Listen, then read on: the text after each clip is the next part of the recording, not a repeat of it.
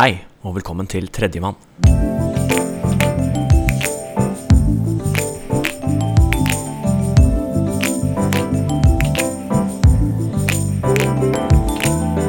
Tredjemann er en fotballfaglig podkast for deg som er spesielt interessert i spillet. Jeg heter Marius Jacobsen, med meg har jeg Ruben Tollefsen, og vi inviterer folk som er smartere enn oss, inn i rollen som tredjemann. I hver episode prøver vi å lære så mye som mulig av vår utvalgte gjest, og så trykker vi egentlig bare på record-knappen i Zoom, sånn at du også kan få høre. Denne episoden er sponset av Veo, kameraer som filmer kamper og treninger helt av seg selv. Som lytter får du 1000 kroner i rabatt hvis du bruker koden 'tredjemann' med store bokstaver når du kjøper systemet online.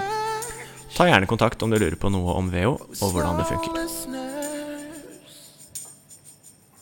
Okay, welcome to the fifth episode of our podcast.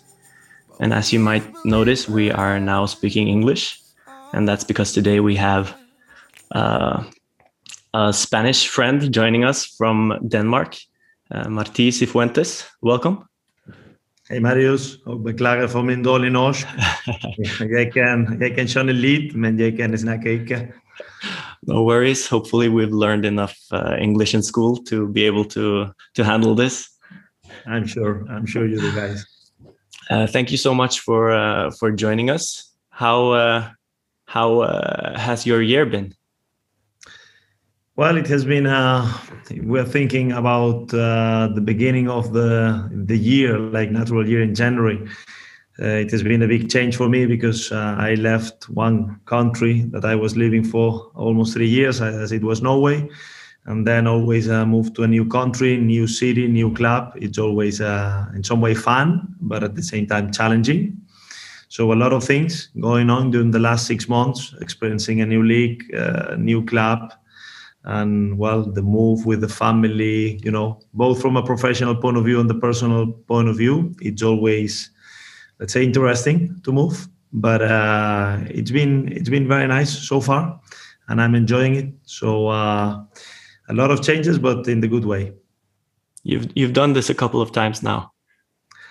Yeah actually i don't. Actually i moved to scandinavia in 2000 i think it was 2016 when i moved to stockholm 2017 and um, yeah then to norway now in denmark. So i'm a kind of a tournée around Scandinavia. But uh, before I was living in Netherlands, I was living in UK. So in some way, uh, I like I like to know new cultures, and uh, for me, it's a it's, it's a privilege to experience new things. So uh, can't complain about it.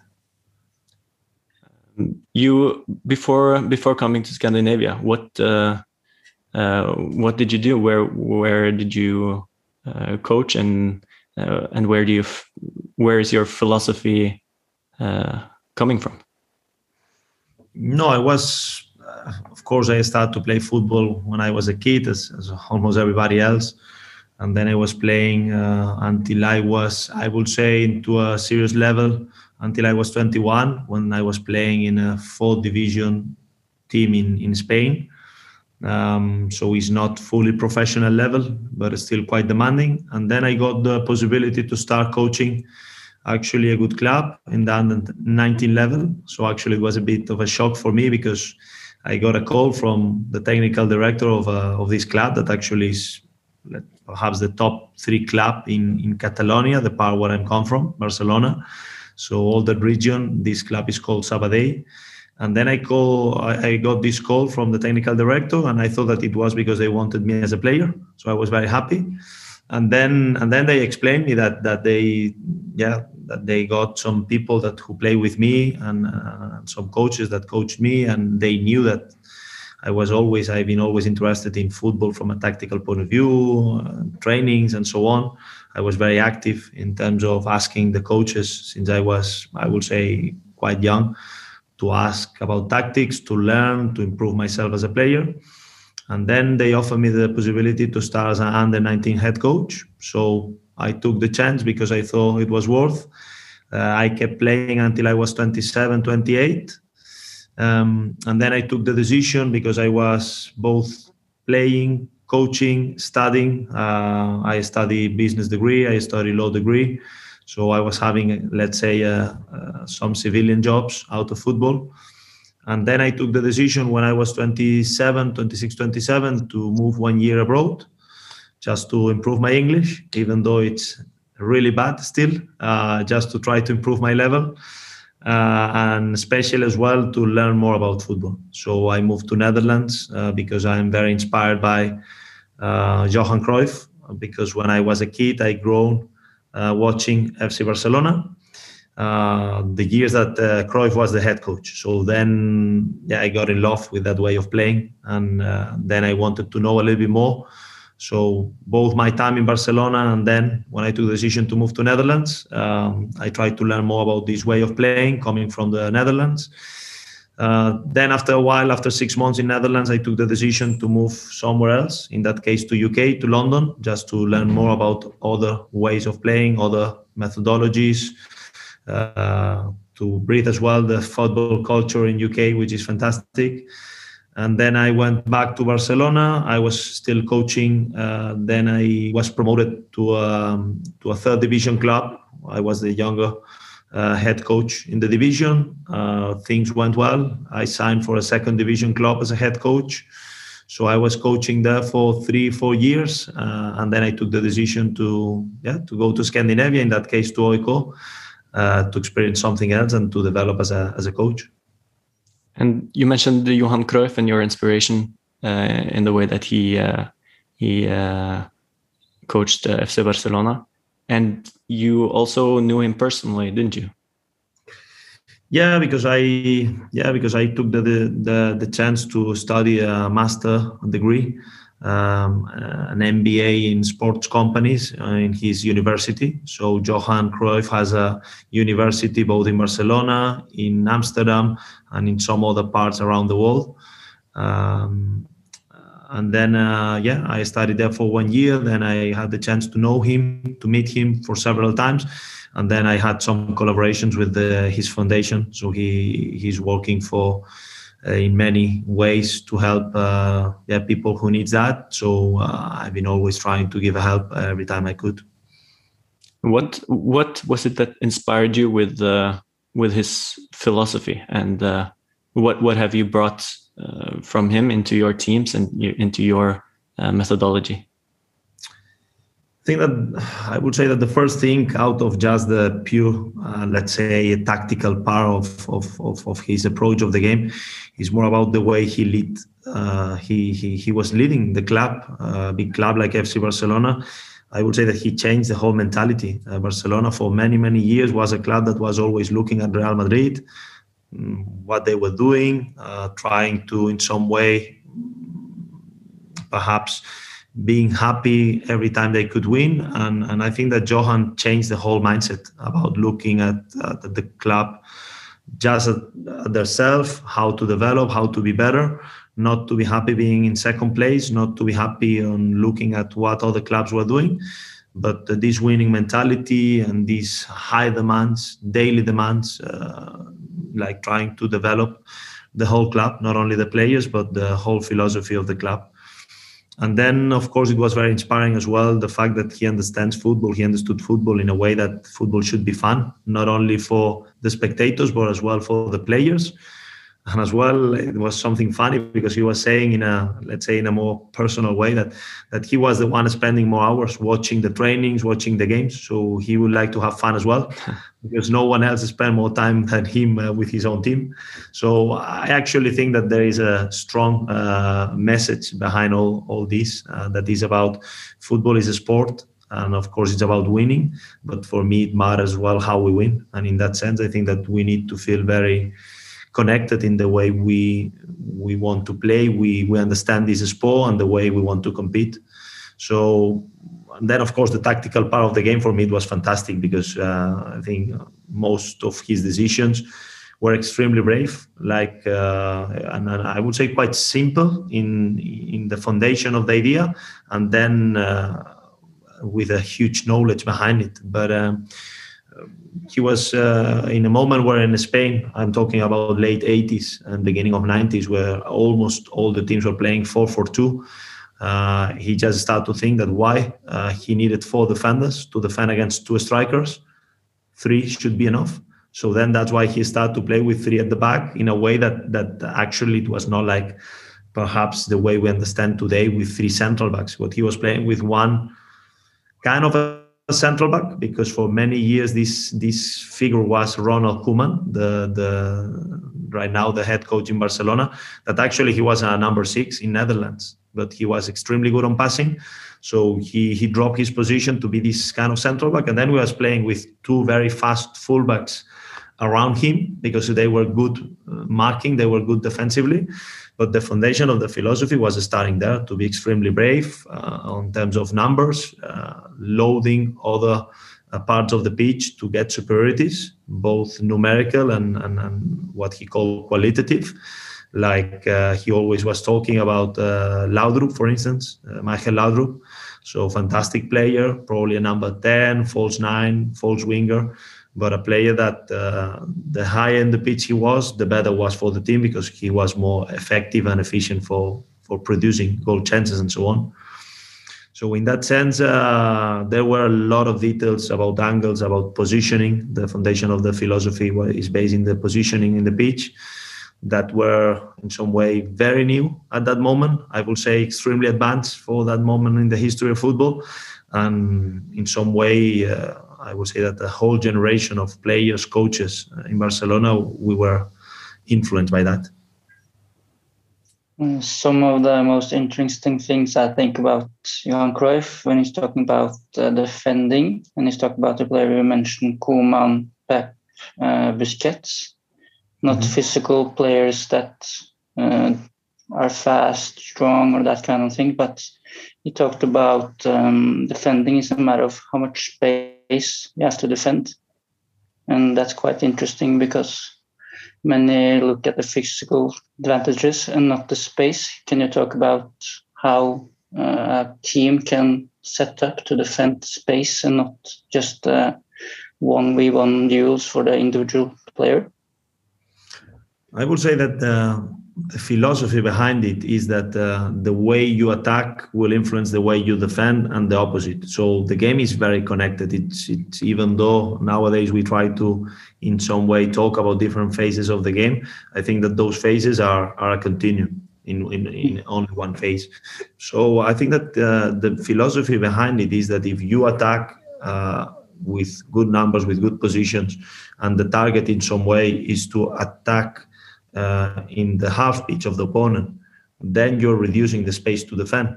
As long as there is an offside rule in football, then you can defend in smaller spaces. So then he was talking a lot about um, space and time, actually, that uh, both in terms of attacking, but as well in terms of how you defend, is not about uh, always from a physical point of view the faster one has an advantage but the one who is in the right place in the right time and in that sense, now you mention a player like Pep Guardiola. Uh, when he was a player, he was very thin player. Uh, in terms of physical duels, probably he would lose almost everything.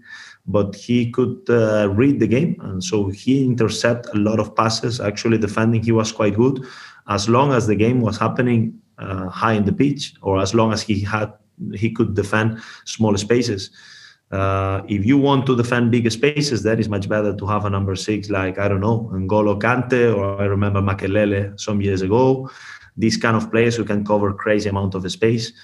But uh, if you want to play in that way of playing, uh, nowadays, for instance, Busquets, every time FC Barcelona is not getting the results, uh, the media and I know that a lot of people is talking about that, ah, but Busquets is a slow player and so on if he's defending smaller spaces, he's a fantastic player because he can anticipate, he can read the game. So then he intercepts and covers a, a lot of balls.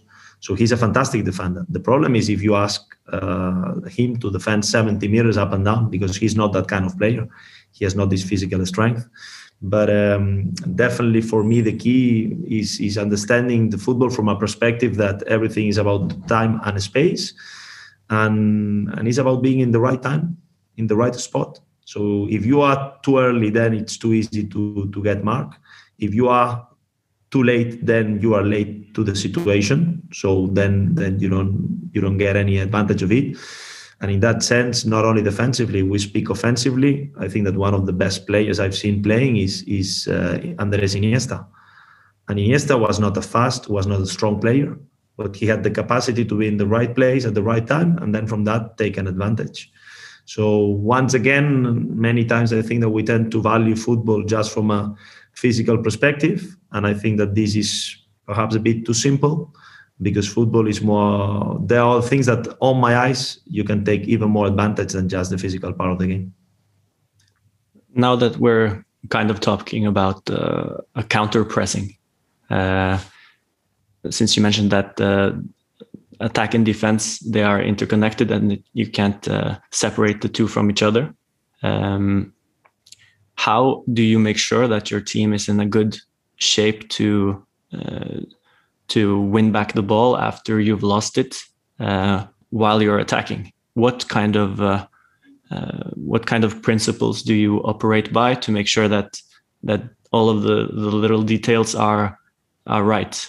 Like, do you have a number of passes that you need to uh, to make sure that the team is set up in the right uh, distances? Uh, the number of lines of attack that you need to to make sure that you have the right angles to counter press uh, what what kind of principles do you operate with in regards to winning the ball back high up the pitch?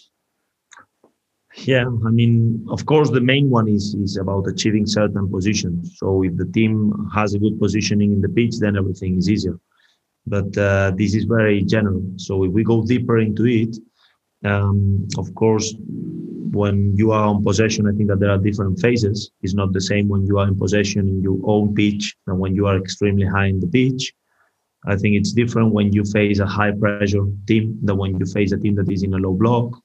So in that sense, uh, I think that uh, we could spend a lot of hours talking about about details. But if we need to summarize, I would say that uh, one of the most important things is uh, make sure that uh, when you achieve certain kind of uh, some passes, so you get some what I call the ball tempo, is that you move the ball quite fast, but all the players stay inside certain zones that that before games of course uh, we're gonna make sure that all the players understand which are the zones that we want to fill but um, once you are on those positions and you achieve certain number of passes frequency of passes then you are in a situation where if you lose the ball you probably can put immediate pressure and the problem is that many times uh, there are a lot of teams and, and, and it's fair because there are many ways to win games but uh, there are a lot of teams where you can see central midfielder is making a long run, and then another one is making a long run. So so many times, especially in the midfield, they tend to to to empty the midfield, which for me is the opposite. Uh, to just have good positions in terms of having the ball, but especially if you lose the ball, to be able to put immediate pressure after losing it. Uh, I think it's key, it's crucial to have as many players as you can in the central area, in the central midfield. Uh, then you can use inverted wingers. Then you can use uh, inverted fullbacks. Then you can use uh, yeah false nine. There are many ways to to fill the midfield. But um, for me, this is one of the most important things. That when you can have a lot of players inside in the midfield, uh, then you can, if you lose the ball, 99% of times you will be able to put pressure. Then, of course, these players in the midfield, they need to be positioned in different depths because if you have five players completely flat in the same depth in the pitch, then probably it will be difficult to apply this, this, this high pressure or this immediate pressure. So you need to put players in different depths, especially because when you have the ball as well, you, you want to find different passing angles and then you will pin different lines of the opponent team. So if you have one player, let's say, pinning the central backs of the opponent, then it's not that easy for them to pump. Then it's not easy for them to step forward because you know that there is a threat on behind. So one of the first rules in terms of positioning is that you need to have players that stretch the team, stretch the opponent, stretch the pitch, so they can always attack the space on behind. Then you start to fill other areas like spaces in between lines because then the line, let's say midfielders, if you put a player between their midfielders and their defenders, then the midfielders are being committed. If they want to step up, they open up these, I think in Norwegian you call it mellemrum. So then there are many ways to make sure that you have a good position both when you attack and when you defend. And for me, it's important as well to analyze how is the opponent team because not all the teams position themselves in the same way. There are teams that give priority to cover central areas, so then the spaces are on the sides. Then another teams that they like to defend extremely compact um, in a low block. So you need to find a way to, to, to see where the spaces are, and in that sense, help the players to understand those spaces. How do you how do you uh, decide uh, which spaces to to attack for a game? How do you look at the opponent's shape and and uh, and decide uh, okay we need to pin this player here and we need to uh, to utilize this space to bring this guy out of his position or how, how do you how do you analyze before a match where to where to uh, attack? I would say that for me, 80% is our way of playing, is what we call our game model. So at the end, my target as a coach is to help the players to understand the game so they don't need too much our help as a coaches during the games because they can read the spaces. And actually, uh, I've been talking and I've been reading a lot about, about this concept. For many years, we have been talking about a good team is those teams that are very compact, very strong. That, that, that's something that has been said for years. Like the teams that are very compact, that are very strong, are the ones that are good teams. And actually, I think that the tendency of football is those teams that are more adaptable, that are more flexible, that are more liquid. So actually, the opposite of what we have been saying for many years are the ones with uh, bigger capacity to win games.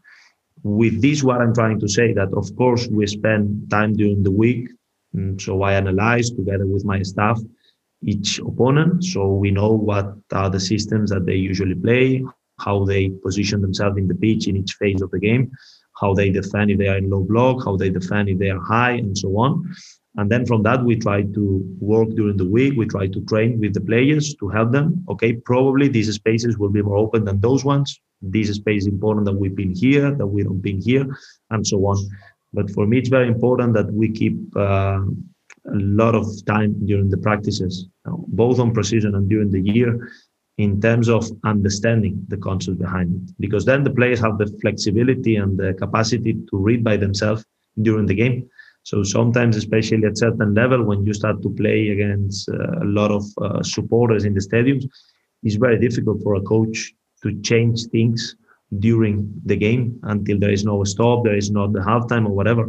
So to have players that really understand, okay, now the spaces are in the pocket, now the spaces that we want to attack are behind the fullback and in between the central back. So of course there are key spaces that are always, I would say, almost always um, very important to attack or to or to fill. But um, what do you think those spaces are? No, I would say, of course, uh, there are two, three spaces that I think are very difficult to to defend for all the teams in the world. So uh, the mellemrum uh, space, uh, it's always challenging because uh, either you decide as a team defending to be extremely flat and have a very short distance between the central backs and the balanced midfielders. So then, in some way, you concede a lot of space in front of you, and otherwise, if you want to be a little bit more aggressive on the pressure, then this mellemrum starts to open a little bit more. So I would say that the spaces between the central backs, the midfielders, and, and, and behind the wingers, those spaces, those pockets, are always uh, difficult to defend because, of course, you can step forward with the central back, but then you assume a challenge or a risk behind you. It's challenging to defend those spaces. And then I think that when it comes to lower blocks, uh, all the spaces behind or even higher blocks, but all the spaces behind the fullback and, and on the sides of the central backs, those spaces are always difficult because if you attack the space again and again and again behind the fullback, uh, yeah, the central back needs to cover a lot. Then that means that he's opening a space in between central backs. So our spaces are always challenging to defend. And then some teams have better tools or players that are mm, in some way more comfortable to defend those. Uh, for instance, uh, my experience is that in Norway, many central backs were very uncomfortable into defend on the sides because they are not perhaps very good in aerial duels, very good in defending the box, but perhaps not that good in open spaces or in 1v1 situations. So, we had a similar discussion with uh, Sindre Tjelmeland, who is I don't know if you know him, but uh, he's the new coach for Start in Norway now. And we had him on the podcast, and we had a similar discussion about what spaces are the most difficult uh, to defend. And uh, in that episode, we uh, we talked about the five four one that it's it's a very difficult formation to uh, to break down uh, because the the side the side center backs can quickly maneuver out into these spaces that you're talking about. How do you find uh, that statement? Yeah, I totally understand. He's a skilled coach, so I'm sure that he knows what he's talking about. I know that he has been doing very well in the teams he has been. So um, I think it's a it's a challenge for all the teams that in some way want have the desire to attack uh, again and again. Uh, this 5-4-1 extremely low block with perhaps the striker covering the number six. In some ways challenging because of course they cover a lot of spaces. As you said uh, the central backs can be ready on the cover behind this wing back this full back position. So it's a challenge but i still think that there are ways to do it. So then it's about what kind of players we have. It's about what kind of uh, positioning we want to achieve according to the players we have because in some way let's let's give an example if you have a player like de bruyne that is amazing in terms of attacking those spaces, that he has the capacity to attack those spaces with amazing pace. But at the same time, he has a technique to cross uh, very fast or to go 1v1 or to kick from outside. So then it's different that if you have a player like Messi that you can give the ball in the mellemrum and even though he attacks a five at the back, you know that he can go on 1v1 or even on 1v2 and he can solve the situation. So he can attract a lot of players to switch side and open up other parts of the defensive line.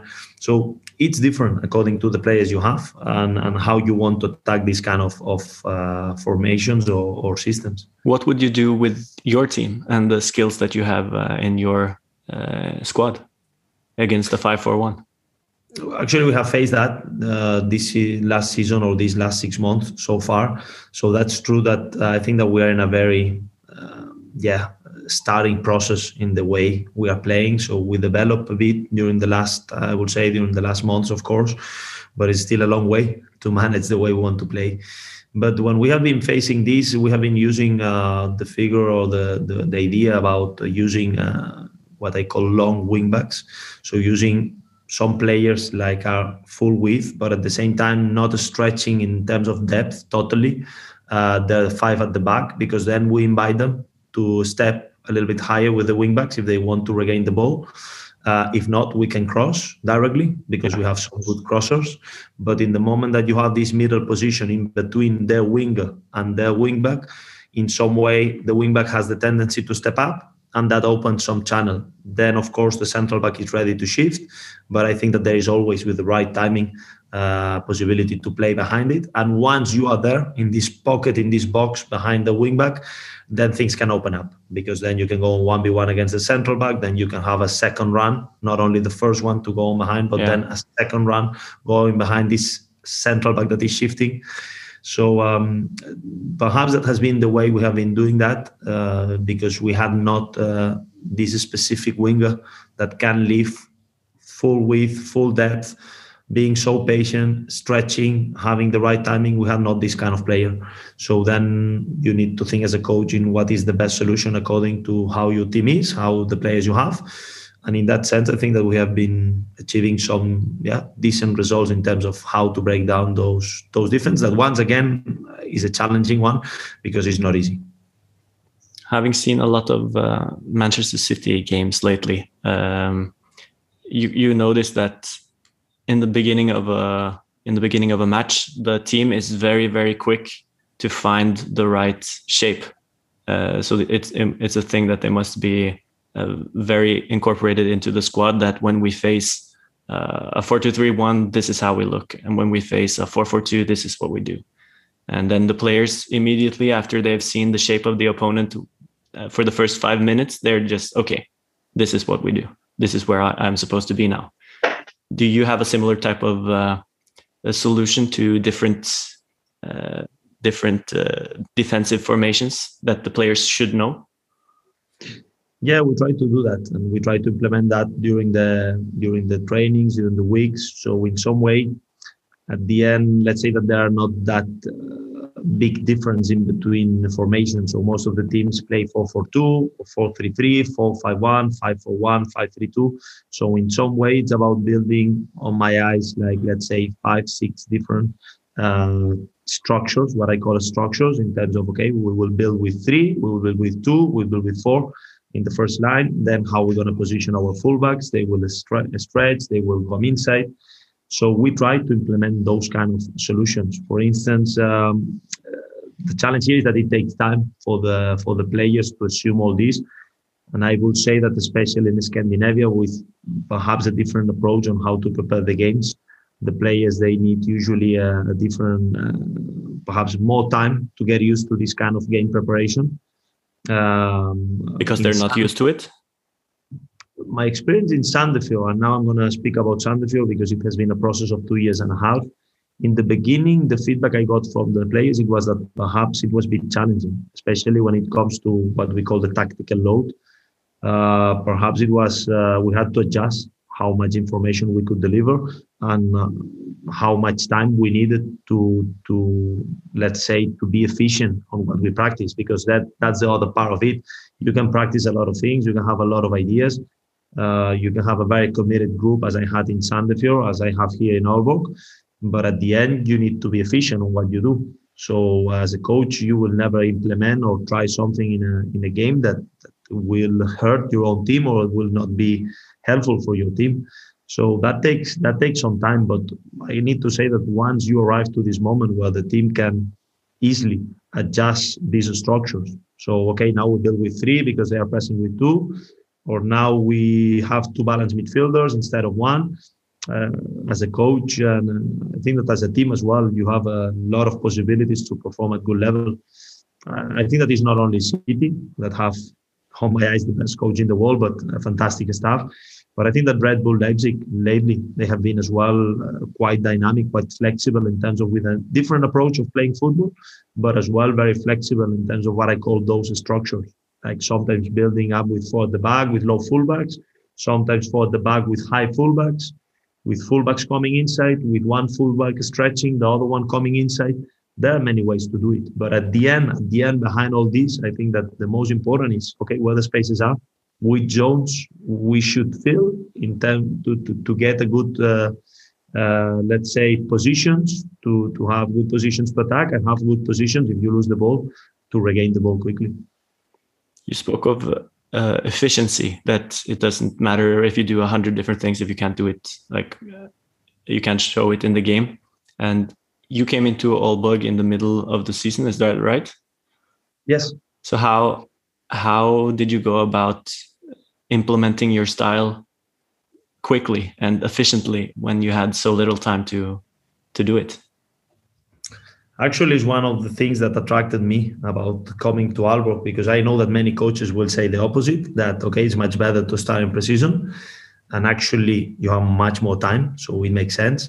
But I'm I'm in a age and at the moment of a stage of my career that I really want big challenges. So for me, it was it was interesting to come once again, as I did in Sandefjord or as I did before in Spain, to come in the middle of a season. Um, and actually I will say with a with a way of playing that was quite different from what I what I usually play. So I think that the team was extremely strong. Aalborg was a team that uh, was very well organized in terms of pressing. Uh, I would say perhaps this German approach about pressing in a very aggressive way to regain the ball very high and to have quick transitions. So uh, this is something that I really like because I like to regain the ball high on the pitch but uh, perhaps where I felt that the that the team could develop uh, more, it was uh, on the ball, how we were building up, how we were facing high pressure teams, and in that sense, Denmark is a league. The Superliga is a league that I would say that 80% of the teams are very comfortable on pressing high, on pressing full pitch, and actually many times almost man-to-man marking in a very aggressive way, and with a refereeing level that is quite quite, uh, let's say, playing that doesn't stop the game or whistle a lot of free kicks. So that was a, in some way a mix of challenges that really attracted me. And and it was a process because I think that in the beginning it was almost new for for many players to build up from our own box, and and and you need first to explain the players that that we do that not to look fancy, not to look uh, I don't know to, to to have some clips in Twitter, but we do that to attract players because then we open a lot of spaces on behind. So the more players the opponent is pushing in the in the first line of, of the build-up, the more spaces usually is behind the last line because that's football. I mean, uh, you have an advantage of always plus one because you can use the keeper, and, and and usually plus two because the keeper is not marking anyone. So when you use the keeper, you have a you have one extra player always, and then you can take advantage of it. So in that sense, uh, we have been trying to show the players, and now after these six months, now they're feeling much more comfortable. They see the benefit of of attracting the opponent team to press high, because then this is a good trigger that if we do the right things, then there is a lot of space to attack behind and to attack. I wouldn't say unbalanced situations, but uh, teams that they need to cover bigger spaces. And in some way, uh, this is an this is an advantage. So um, it was a process it took time to change the i would say the the, the training focus the training approach because uh, it has been uh, some changes in the way we train but um, i think that the players are doing amazing and, and i'm trying to get all the good things that the former coaches were doing because uh, it was a strong foundation uh, in many areas of the game that, that i've been definitely using. When you came in did you practice a lot on the goal kicks and the build-up play in isolated situations, or did you use it in in games, kind of specific in training ground, or did you isolate and build up from the back from the start? I would say that both. I would say that both. Um, according to my way of understanding training, it's important to to practice in both ways not only 11 v 11 situations which is fine as long as there is a focus on some concepts on my eyes so not every week we are practicing the same not uh, every period uh, on time the focus is the same but as well to practice in more specific exercises so we practice the goal kick, but not always just starting from the goal kick. Sometimes just uh, it can be one player, it can be me putting a ball backwards. So we invite the, the opposition to step aggressively forward uh, and then see how is the first pass. If the first pass will be backwards as well, because we feel the pressure is coming, or that someone has the braveness plus the support because that's important. Uh, I always say that the, the most important in football usually is not the player on possession, but the players around. And, and, and I always give the example to all the players that if we play with 10 Messis around us, we're going to look great because they will make us look much better than what we are. And instead, if we play with our friends, probably will not look as good as as uh, as we could with with 11 Messis around. So in that sense, what we try to do is to work different situations in different ways and when we have a look as well with this build up from the goal kick, uh, as an average in Superliga games, you have an average of seven, eight uh, goal kicks more or less per game. Uh, instead, we have a lot of throw ins in, in our own pitch. So uh, we have been practicing a lot on starting the situation from a throw in because actually it's, uh, it's happening even more often during the games. So why not? So we try to, to, to work on different situations, keeping the main principles because that's for me the most important when you arrive to a club that that you cannot overload with a lot of information you need to make it as simple as you can for the players and then from that grow and in that sense we stick to three four big principles and then from that work work work adjust details of course there are players that are more interested in those details there are others that they prefer the less information the more simple the better and in that sense as well this is this coaching capacity. You need to have the sensibility to spend more time with some players than with others, to make it more simple for some players than with others, and and and once again be efficient because you need to compete every Sunday. So you came you came into Aalborg with uh, with a, a game model I would say that I came to Aalborg with a philosophy that uh, was adjusted as well, and, and and for me, one of the strengths that every coach should have is uh, the understand the context. So uh, my philosophy is the same in Barcelona, in Sweden, in Norway, or in Denmark, and it will be the same if one day I uh, coach uh, somewhere else. But uh, the game model is something that changed because it's not the same having as a striker. I don't know in AIK as a striker we had Henok Goitom, that is a super smart striker. Uh, he was amazing in terms of pressing. He understood when to press, when not. He was really good as a target he was smart into dropping in the in the in the pockets. Then you know in, in Sandefjord, when I moved to Sandefjord, we had a striker like Pontus Engblom that is just the opposite, extremely fast striker, attacking spaces striker. Uh, perhaps not a player to drop and, and, and, link with the midfield, but a player that could attack amazingly the spaces on behind and being extremely good inside the box. So then your game model cannot be the same because on my eyes it will be a mistake if I'm asking the same to Henok Goitom that to Pontus Engblom or to Tom van Weert that was um, one of the main strikers uh, in, in in Aalborg when I arrived. So in that sense, the game the game model comes from a philosophy. This philosophy as well, on my eyes, needs to be shaped as well for the context, the culture of the country, the culture of the team, the culture of the club and then uh, adjust to to the players. So I want to get the best of all of them. If I have a winger that is very good on one v one, being full width and attacking the spaces on behind, we need to provoke this as many times as we can during the games. But if we have a winger that is much better as inverted winger dropping into the pocket, then we need to shape the game model into getting into those situations because then we will get the best of him.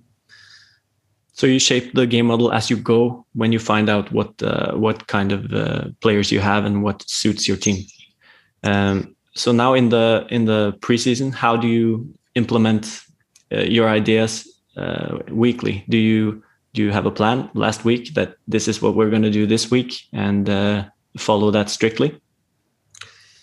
We do. We do without uh, yeah without forgetting that football, as I said uh, before, it's for me it's it's a continuum. So uh, even though we sometimes try to break down the game to try to understand it, which for me it's very important, I think that we can never lose the perspective that during trainings, I think that it's important to try to keep the continuum on the game. So, for instance, um, what what we made together with the staff uh, in this preseason was to analyze when I arrived to the club what were the strengths and the weaknesses of the team. Uh, we saw that it was a team extremely good in in the physical input of the game, in the physical uh, approach to the game. A team that didn't hesitate to put high pressure uh, for 90 minutes. That they were brave into into having the central backs. In that case, they were playing with three central backs uh, very high on the pitch, not afraid about playing 1v1 defensively situations. So that was a starting point. Uh, but then instead, we saw that the team was recovering more balls in our own pitch in a low block than not the opposite when we were on high pressure situations. So we had to adjust this and try to improve on, on how many balls we regain in high in the pitch. It's something that we did. So when we made this analysis in, in all the parts of the game, we arrived to the conclusion that in the beginning of the preseason, uh, we wanted to to work in some concepts in these first four or five weeks, and that's where we are now. For instance, now we are working this week. We had the focus on on two three concepts. The first one is um, how we attack what I call unbalanced organizations. So let's say that we face a team that is pressing high and then we manage to find the freeman we manage to break lines and a player can turn perhaps in the mellemrum perhaps in the last line perhaps in the uh, front room but in a in a situation that in some way we can attack the four at the back the five at the back or the defensive line so then how to explode these situations how to get uh, more benefit from from those situations this was one of the targets then a second target that we had for this this week, for instance, was to what I called to avoid the long transitions defensively. So for me, as we spoke in the beginning, uh, in a perfect game or in a perfect scenario, my central backs will play as high as we can in the pitch. So hopefully they will be 20 meters in front of the midline or 25, because that means that we are the we are attacking extremely high and that our team is extremely short and and and and, and, and close. So then, if the team managed to to regain the ball quickly, then probably we're going to get a second chance, a second wave to attack. At, once again, probably a team that was trying to counter, and then they disorganize a bit. So this is a big advantage. But the main target here is to avoid long counter attacks, like that we need to backtrack because we don't regain the ball high on the pitch.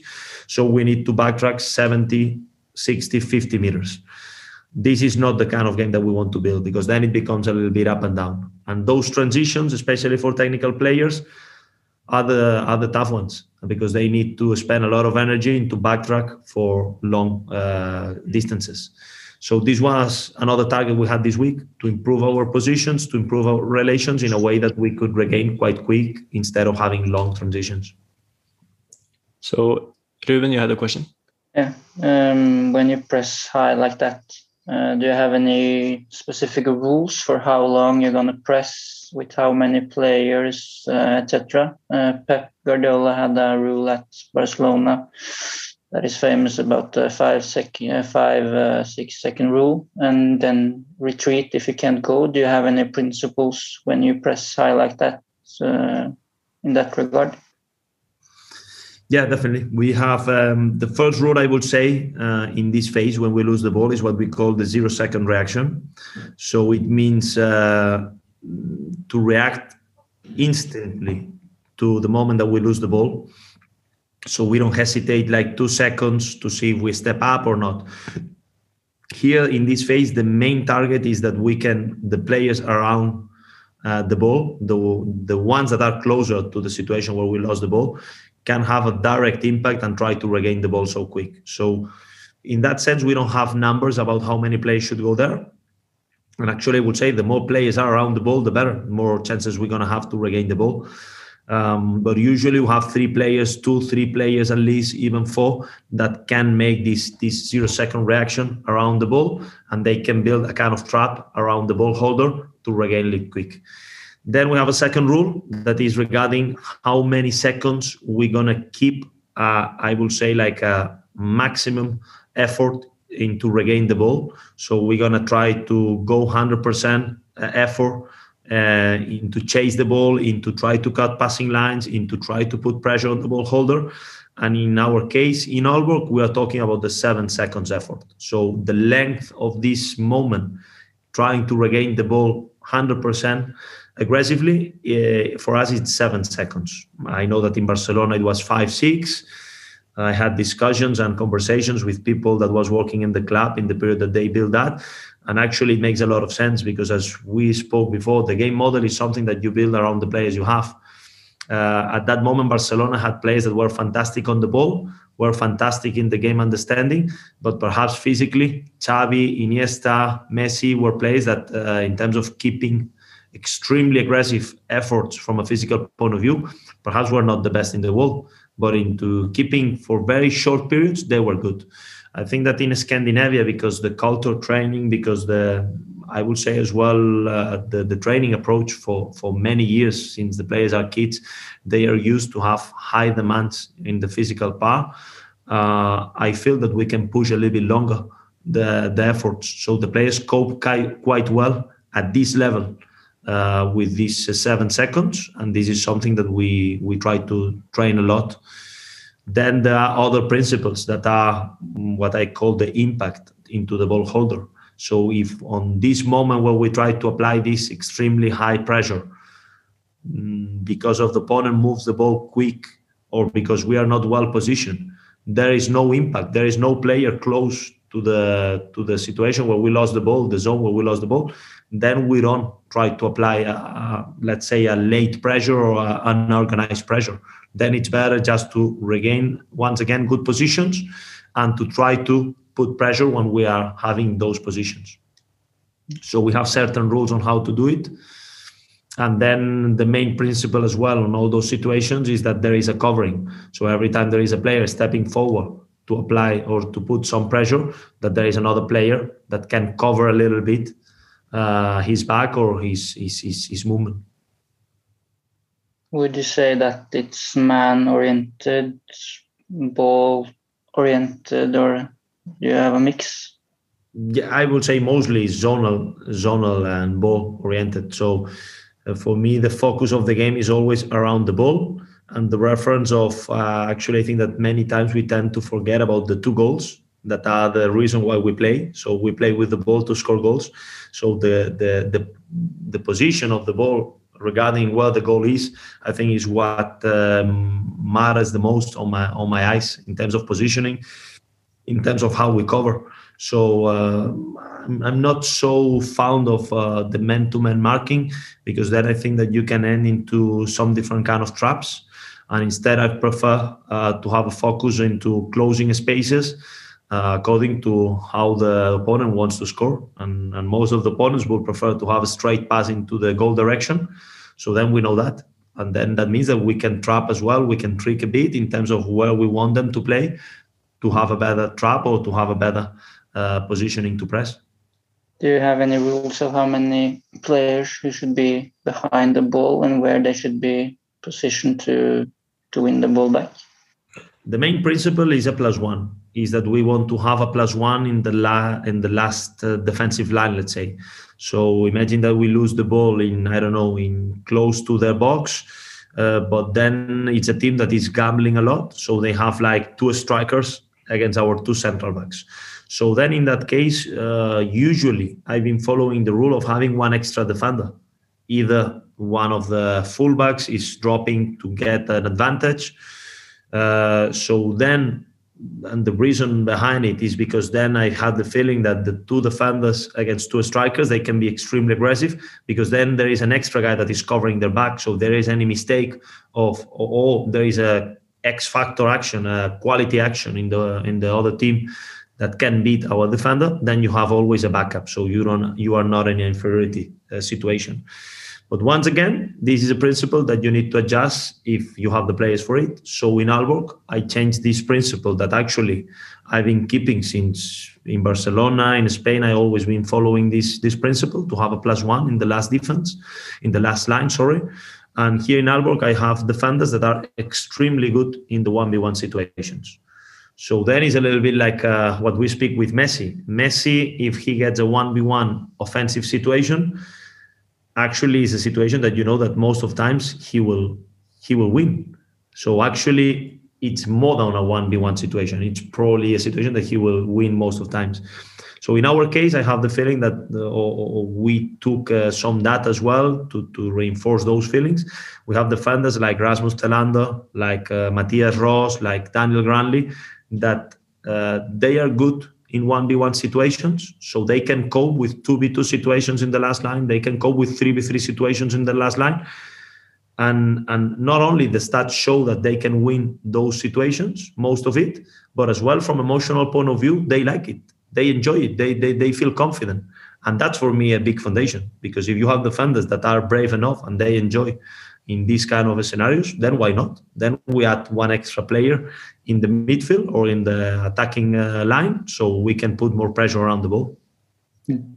So let's say that you've uh, you've traveled together up the field as a team, and you're uh, uh you have compressed the opponent to to be in small spaces so that it's easier to to regain the ball.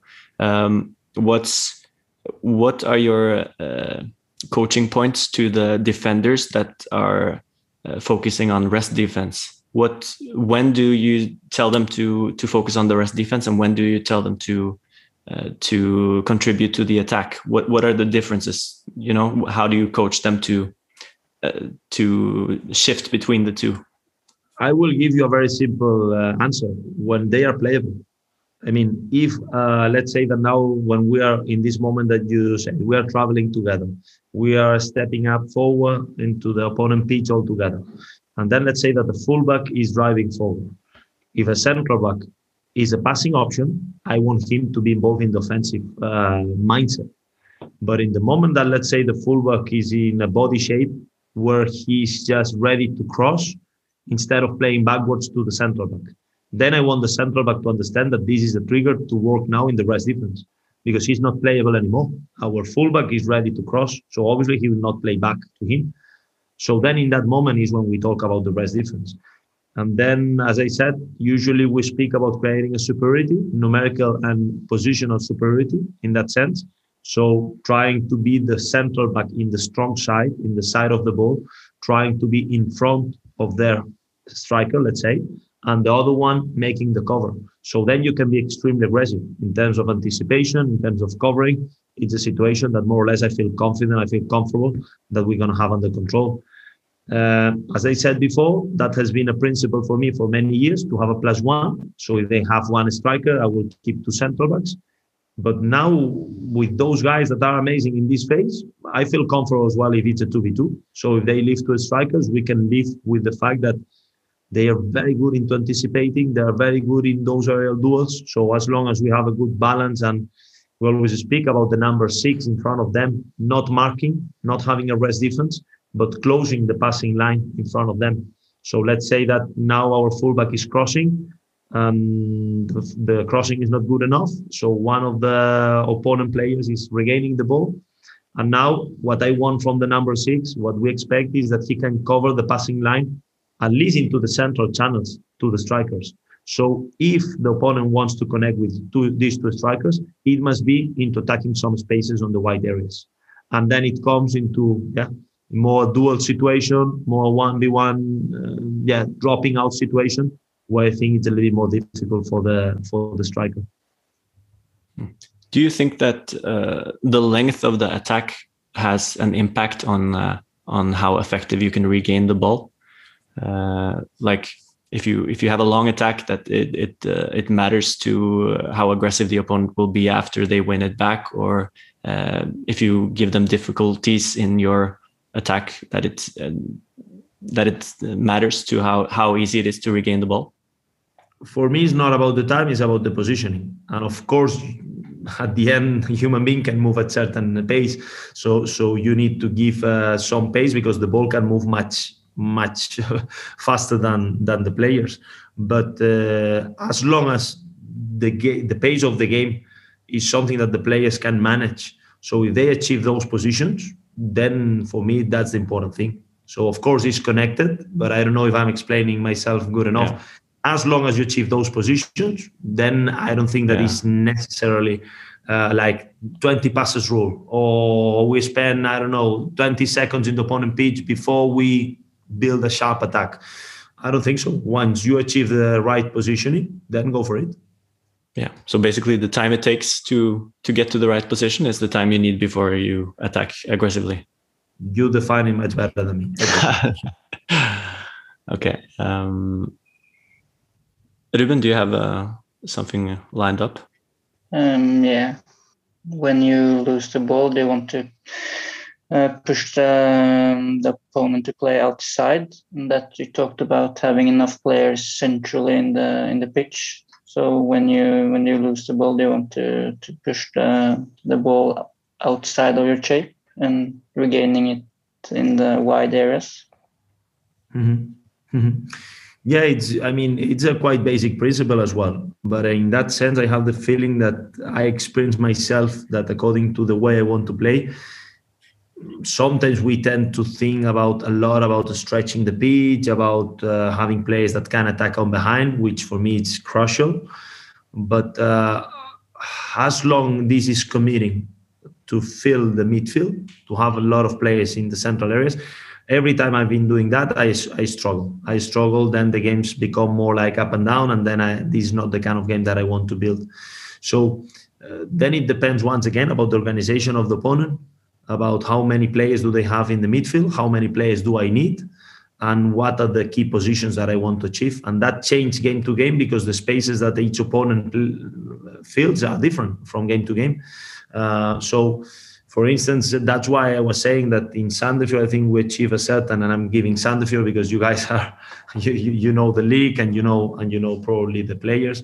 So we achieve a certain grade of understanding of the game where the players knew that sometimes it could be an inverted fullback coming inside. Sometimes it could be that we play with a false nine. Sometimes it could be that a winger was coming inside.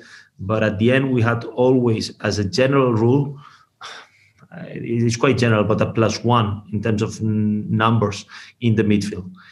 Then once again, I think that you can be, let's say, four before in the midfield in the central areas, but you can have a positional advantage. So then it's still an advantage. So what we wanted to create always was either a positional, either a numerical advantage, because when it comes through the qualitative, I think I had fantastic players in Sandefjord, but it was difficult to just say, okay, we're gonna fix it individually because we were a team that we really need the collective to win games. We really need the whole team to be connected to win games.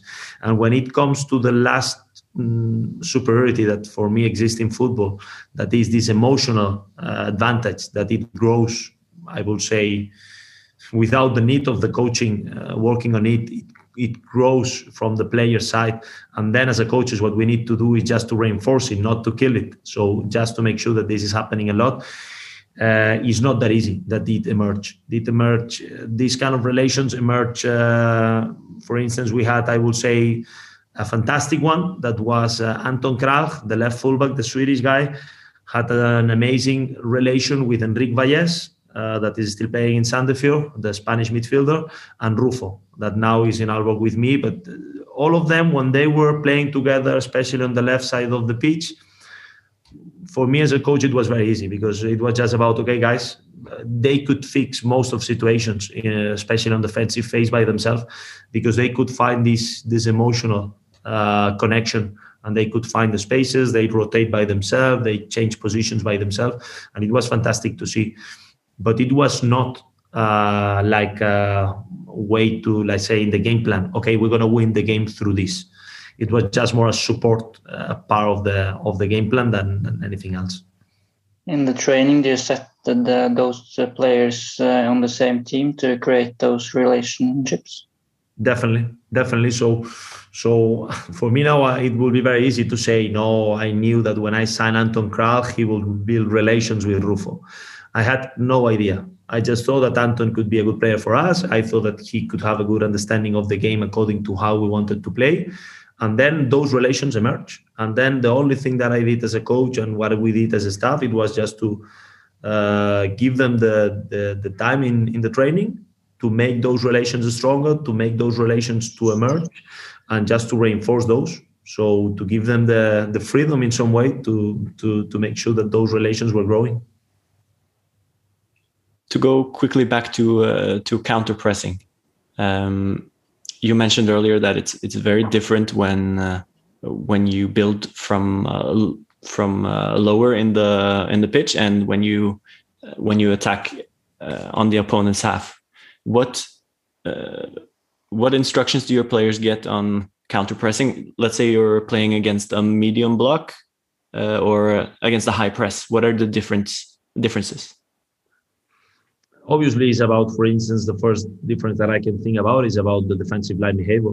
So if we are counter pressing against a team that is in a medium low block, I will ask my defensive line to step up. So the first behavior will be to pump. When you are against a high pressure team and you lose the ball, then probably your defensive line is quite quite open, quite wide because you are building up. And then the first the the, the, the first priority is to close the spaces. So then probably it's not about to pump, but perhaps to to to close the spaces, to be more central, to shift the quicker you can, to avoid that they can progress, especially on central channels.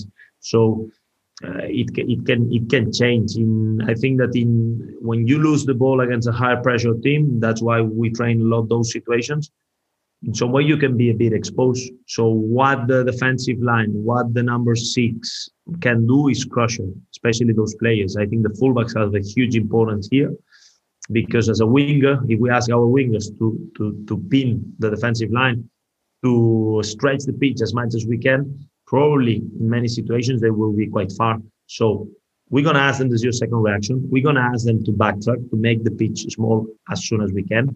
But obviously in most of cases, perhaps the impact that they will have is, is not optimal. So the priorities can change.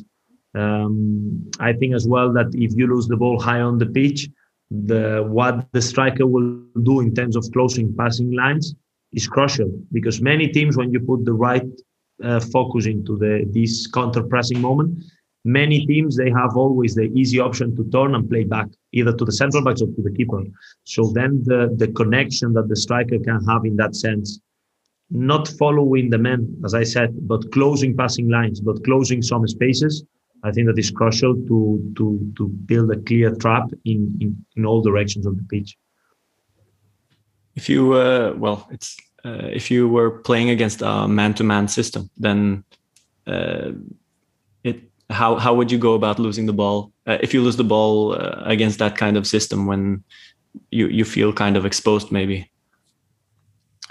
Yeah, uh, we have faced a lot in, in Denmark because there are many teams that press man to man, extremely aggressive way, full pitch, and, and we had to adapt and, and find new solutions.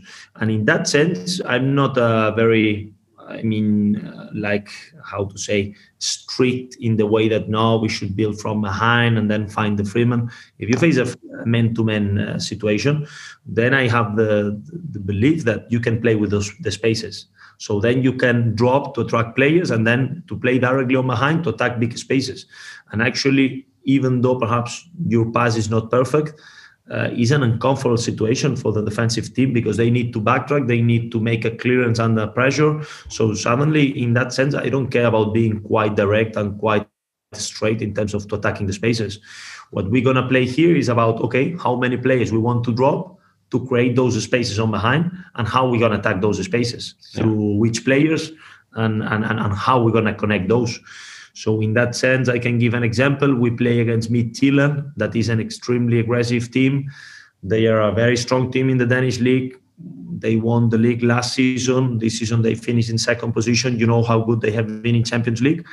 So their approach in most of the games is to press high during the whole game and they have central backs that once again they feel very confident into duels 1v1 into regaining the ball very high in the pitch because they are so physical they are so strong in duels and that's their way of playing. So what we did it was okay we knew that once again our keeper will be the freeman most of cases. So then we work a lot into activating from the keeper that actually both keepers that i have in the squad are very good on his feet. Uh, then to activate through dropping a false nine we knew that the central backs will follow and then to activate wingers playing on behind. And we create a couple of 1v1 situations against the keeper, against the keeper through this movement. So in that sense, I don't have like a preference in terms of building like having a fantastic combination, one, two, triangle, and then break through. If we can play on behind with the keeper and just attack the spaces, once again, for me, football is about time and spaces, and and and I'm okay with that. Yeah had a lot of uh, a lot of uh, success with against those kinds of systems, dropping the striker down and then attacking the space with even with a fullback going into that space and uh, an indrelöper going into that space, because oftentimes the the winger will be followed by someone who is who's used to that movement, someone who is going to actually defend that pretty well. But the the opposition's winger or the opposition's indrelöper, they're not going to follow that that run very well. That's a great point. And actually, um, I would say that, for instance, in Sandefjord in 2018, we faced an interesting situation. In the last game of the season, we play against Molde. Molde was uh, fighting to get the silver uh, that that season, and uh, we were leading in the first half one 0 and I think that we were playing fantastically because we had this false nine in 2018 in the Elite Series. We played with the false nine, the were Rufo in that case, and then extremely fast wingers. In that case, Pontus Engblom, that that was a free, pretty fast striker. In our offensive phase, defensively he was defending as a striker, but offensively he was full width attacking as a winger. So I remember that Molde had a lot of problems in the first half because we could find uh, Rufo as a false nine all the time and then from that attack the spaces on behind because their central backs, I think it was Gabrielsen and and someone else, I don't remember. I think it was Vega for the other central back. They were struggling a bit in terms of uh, they should follow or not Rufo, they should drop, how much they should drop. And we created a lot of problems. Then they fixed it because in the second half, the Gabrielsen followed Rufo. He was pretty hard in a couple of uh, duels and tackles. Then we had to sub Rufo because he was injured. And then the game was over. They won us 3 1. So fair enough, uh, but I think that it shows an example about how a team Molde as well with a good coaching staff. In that case, it was still Ole Gunnar uh, in charge. So they could ad- adjust in the halftime to a challenging situation, and we were not good enough to compensate that in the second half. I've talked to some people who were uh, very impressed with the way that you set up Sandefjord defensively when you were uh, when you were there. That you had a very uh, good eye for the strengths that uh, the opposition would come with and how to how to make sure that they couldn't use those strengths. How do you how do you plan for a game defensively to make sure that the opponent doesn't get to use their best players? Well, first of all, I need to say that if they sp- spoke in a positive way, probably they were good friends or players that were playing every weekend, because otherwise, uh, I'm sure that it was not as good as, as they said. But uh, no, as I said, for me as a coach, and especially I think that uh, Scandinavian leagues have a fantastic advantage because we have three months in preseason, which is crazy uh, amount of time. I know that sometimes it can be boring because we want to compete, but I want to look at the positive side of it. I'm using Spain to have only four to five weeks to prepare a team. And if we don't win the first three games, then we get sacked. So in, in, in that sense, I think that is a, is a gift in Scandinavia to have such a long time to prepare the team. So for me, this moment of decision is to prepare more in, in what I call the, the, the philosophy, the identity, our game model. And then if this is uh, yeah strong enough for the players the understanding is good enough then i think you can come week to week with with details. And in some way that's what we did in Sandefjord um, the foundation of the way of playing was very clear with the principles about okay they press with two we build with three they press with one we build with two things like this were there uh, how to position ourselves in the pitch, attacking, defending, it was there. And then what we did, it was okay. We knew that uh, I don't know, certain team had a fantastic uh, right central back in the build-up, but perhaps the left central back was right-footed. He had a little bit more problems on the build-up. So what we did it was just to lock the right central back. So the left central back, the one less skilled on the ball, in some way, was the one that had to assume more responsibility in the build-up. Um, I remember one game we play against Brann away in Bergen. I think it was 2018 as well that's what exactly we did. We, I think it was uh, Acosta that was a fantastic defender in duels, uh, really strong player in the air, good defender. Uh, when he was playing on the right, he was quite confident on the ball, but because of certain injuries or situations, he was playing on the left side of the defense. So then he had to build in some way with his left foot, and and then he he it was a big challenge for him. So what we try to do is that he was the main guy all the time for them on the build-up, and, and, and those kind of details usually work well for us. Some other times it was more about okay, we wanted to press higher against certain teams because we knew that that the keeper was not so skilled under high pressure. Against some other teams, we thought that it was better to to be eh, perhaps a little bit lower in a lower block, even though it's not what I really like, but that was the perhaps the better option for our team. And and then once again when you have been as a coach when there is a strong board that give us time to work and then we find this flow with the players that at the end are the center of all the pro- of the process they trust us as a coaches and then we can build things over time then you get this kind of flexibility because you are comfortable in different scenarios so the last year in Sandefjord as a coach I enjoy a lot because we were a team that from one week we could press high and be I would say decent in, in, in what we got there. And the next week we could be much lower and, and still be decent because we spend a lot of time into working different scenarios. When you have a long preseason, um, do you have a schedule with your main concept and principles that you work with um, each week and just building blocks uh, on how long do you work on certain things? Is it um, depending on how well you think it's going, or are you changing it up? Yes, we have a plan, but it's uh, we adapt every week. So for me, the three I will say the three main reasons why we adjust is uh, okay. Let's say that we are working now in pressing, uh, pressing high, and this is the main focus for one week during the preseason.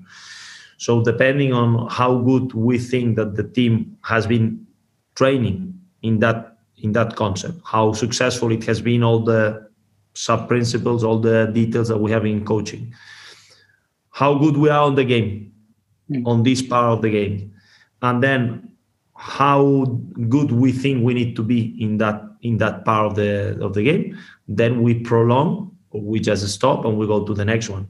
But in any case, it's uh, for me it's a clear rule in football that when you don't train a concept through the time, it will be you will lose the quality on it. So let's say that you are a team very good on the build up against high pressure.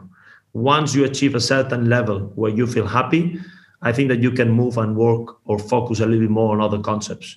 But every, let's say, three weeks, two weeks, every month, whenever, you need to work a little bit on the build up against high pressure. Otherwise, the concepts, the, the, the efficiency will drop in terms of quality. So that's why is that complex to coach because this is something that no one in the coaching education or when you get the license can tell us is something that the books cannot explain you should work one month in the pressure. But i don't know. It depends on how good you are as a coach in to explain.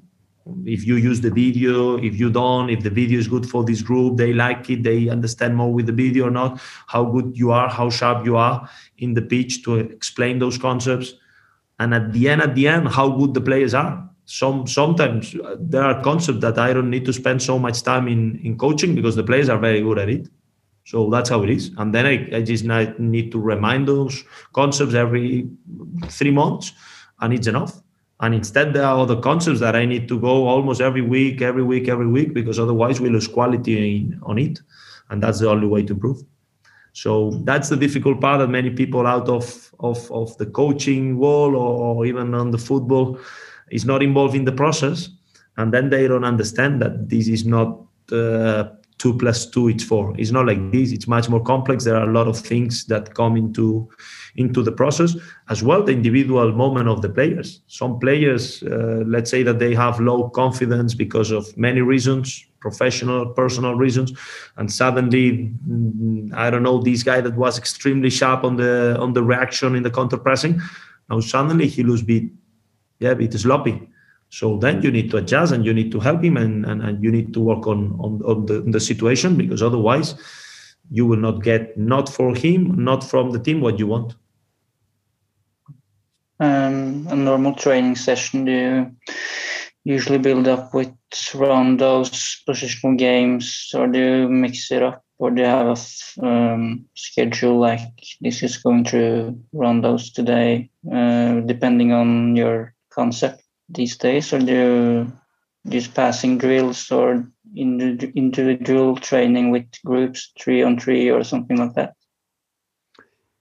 Yeah, I would say that in that sense, I use two big methodologies. Um, I found when I was quite young, when I was starting my coaching career, I was looking because that was my feeling as a player that that I was looking to give tools to the players to perform on the weekend, and that has been my priority until today as a coach. I want the players to experience during the week what they will face during the weekend because then I think it's easy for them to perform. And if I need to provide them or help them uh, because most of times they find the solutions by themselves. But if I can provide them with some tools, then even better. So that's why I found the tactical periodization, which in some way the approach behind all the tactical periodization is this one that you will train according to the way you want to play. You will not do anything out of the way you want to play, out of your game model, and that you will prepare game scenarios so the players will experience not in the whiteboard not in the video. They will experience in the pitch what they will do, what they will face on the weekend. So I've been following quite a lot in terms of methodology, the tactical periodization. But then that's true that through the influence of uh, people, of things that I've seen both in Netherlands and in Barcelona, then I'm taking a lot of things of the what in Barcelona we call the uh, structure microcycle. That actually is the way the methodology training that Barcelona has been following for many many years that Pep Guardiola use nowadays. Uh, and then I shake all this into the context. So it's not the same uh, to train on tactical periodization in Spain than in Sweden, than in Denmark, than in Norway. You need to adjust to the context. But um, that's true that I follow a little bit this, plus then I mix a bit. But uh, I use a lot of positional games. I use, uh, I use a lot of rondos because for me it's a big part of the game. I think that uh, if you understand that rondos is not pick in the middle, that rondos is a is a training where almost everything in football is there out of the finishing part of the game. So the the, the how to score the goals. Uh, almost everything else is in a, in a, in a simple rondo. So I think that you can train a lot of concepts, hundreds of concepts in this. So I like to do in that way. Uh, then the positional game, I think that is the next step in terms of complexity, in, in terms of game understanding of the spaces or how to position and, and how to counter press. And then perhaps the last step for me is what I call like the yeah the the, the tactical situations. Uh, in, in Spanish we call situaciones simuladoras preferenciales, but this is this is just uh, terminology. So for me, just to build those situations that you know that you will face in the game. Uh, for instance, as we were speaking, uh, counter press. Okay, so I put all the players 11 v 11 in half pitch, in the opponent half pitch, and then how we gonna, with certain constraints, with certain rules, I will provoke that they lose the ball to make sure that the counter pressing is happening a lot of times. So this is for me perhaps the the last step in terms of progression on how I train and then sometimes not not very every week but sometimes i like to break down to the to the more basic parts of the game. And then i work in what i call the fractals. That actually something that i've seen from especially marcelo bielsa which is basically to to break down the game to the to the sub sub sub principle to the to the more basic or or simple concept so let's say that we want to uh, practice the body shape of the midfielders during the build-up phase. Instead of using the positional games, that of course the body shape is important and is a part of it, but it's a part of 100 parts of a positional game, then I will create an exercise only for the number six where he will have a situation where the body shape is everything so he doesn't need to think about the positioning of the next player. He doesn't need to think about uh, the counter press. It's just about the body shape. So then we break down the game to the to the simple exercise, to the simple concept, sorry, and we build a simple exercise with a lot of repetitions to do it. And it can be the body shape, it can be I don't know how to slow down in a 1v1 uh, defensive action, or it can be how to solve a 2v1 situation in every part of the pitch. So it can be a lot of them, thousand of them, but I just use it uh, sometimes during the season because I think that it's the right moment to do it. Hmm. You divide the pitch into zones or uh, use like diagonals in the pitch so you can uh, get the picture you want? Usually and in that sense it's an advantage that i can here work uh, almost every day with different zones on the pitch and we can mark uh, because the kitman is fantastic and he's doing that every morning. Mm-hmm. but usually we split the pitch in four zones from zone one uh, to the zone four in terms of depth. And in terms of width i like to split the pitch in five channels. So i know that there is a lot of talks about it should be seven channels if it should be eight if it should be four I like to do it in five. So we split in terms of that four channel, four uh, corridors or zones, and then in, in five uh, channels. That's the way we split the pitch. What do you use that for? How do you implement your ideas in that uh, grid? Uh, positioning. Then it's much easier to explain the players. Okay, look at this, the positioning. Now we have, uh, let's say, three players in the same channel, in the same corridor this is not a good positioning. So then it's very visual for them. And then I can build a lot of exercise uh, where the pitch, the zones are already there. So they can get that as a reference in terms of, okay, if they get this zone, they get into this zone, it's a good positioning. In terms of rotation as well, so it's not that just a static concept. So let's say that now, okay, someone is leaving this free zone, someone needs to occupy this free zone. So it's about how to create how to provoke the free zones as well, and then how to occupy and to get uh, and to use those zones. So we try to do that in in many different exercises, but I would say that basically is to get a visual reference of it plus a communication way of doing it like okay look at this zone this uh, uh, i don't know zone three uh, half a space then it's very easy for me just to point that. And then they know what i'm talking about. Zone three half space is this zone or this zone. So then it's very visual. And you have the names for those uh, for those uh, spaces? We use uh, that's true that here in Aalborg we are not yet we have been mentioning that but we are not using in daily basis those those zones. Uh, but that's true that i like to split when it comes to zone three and zone four when we attack especially zone three i like to split in what i call the six boxes. So we have the zone one, the box one two three four five six in the mellemrum let's say. Um, and then it's easier for us in terms of okay in this game guys because the way they defend mostly the box four and six will be the ones that we can attack. But against other teams it can be that we need to drop to box one and three or box two because it's the central space the one that they usually leave uh, it's just a it's just a communication way so in that sense i think that every coach needs to find their own way of doing things okay uh, anything else, Ruben? No, I think I'm quite done. Perfect. I was thinking it's uh, it's about time to get uh, to let Marti get get on with planning his uh, his upcoming season. I've been speaking a lot, guys, so I think that has been a lot of bullshit from my side, but I hope that you found that it could be at least uh, that makes you think a bit and at the end, for me, football is about that just discussing and share concepts and share ideas and then learn from each other. Yeah. Thank, thank you for sharing. It's yeah, been thank interesting. You. Thank you so much for, for taking the time uh, out of your uh, busy schedule, Marti, to, to talk with us about a lot about counter pressing and it, uh, positional play and football in general. This was really helpful to us. Tack Marius, fint för mig och vi snackas. Vi ses. Det gör vi. Tusen tack.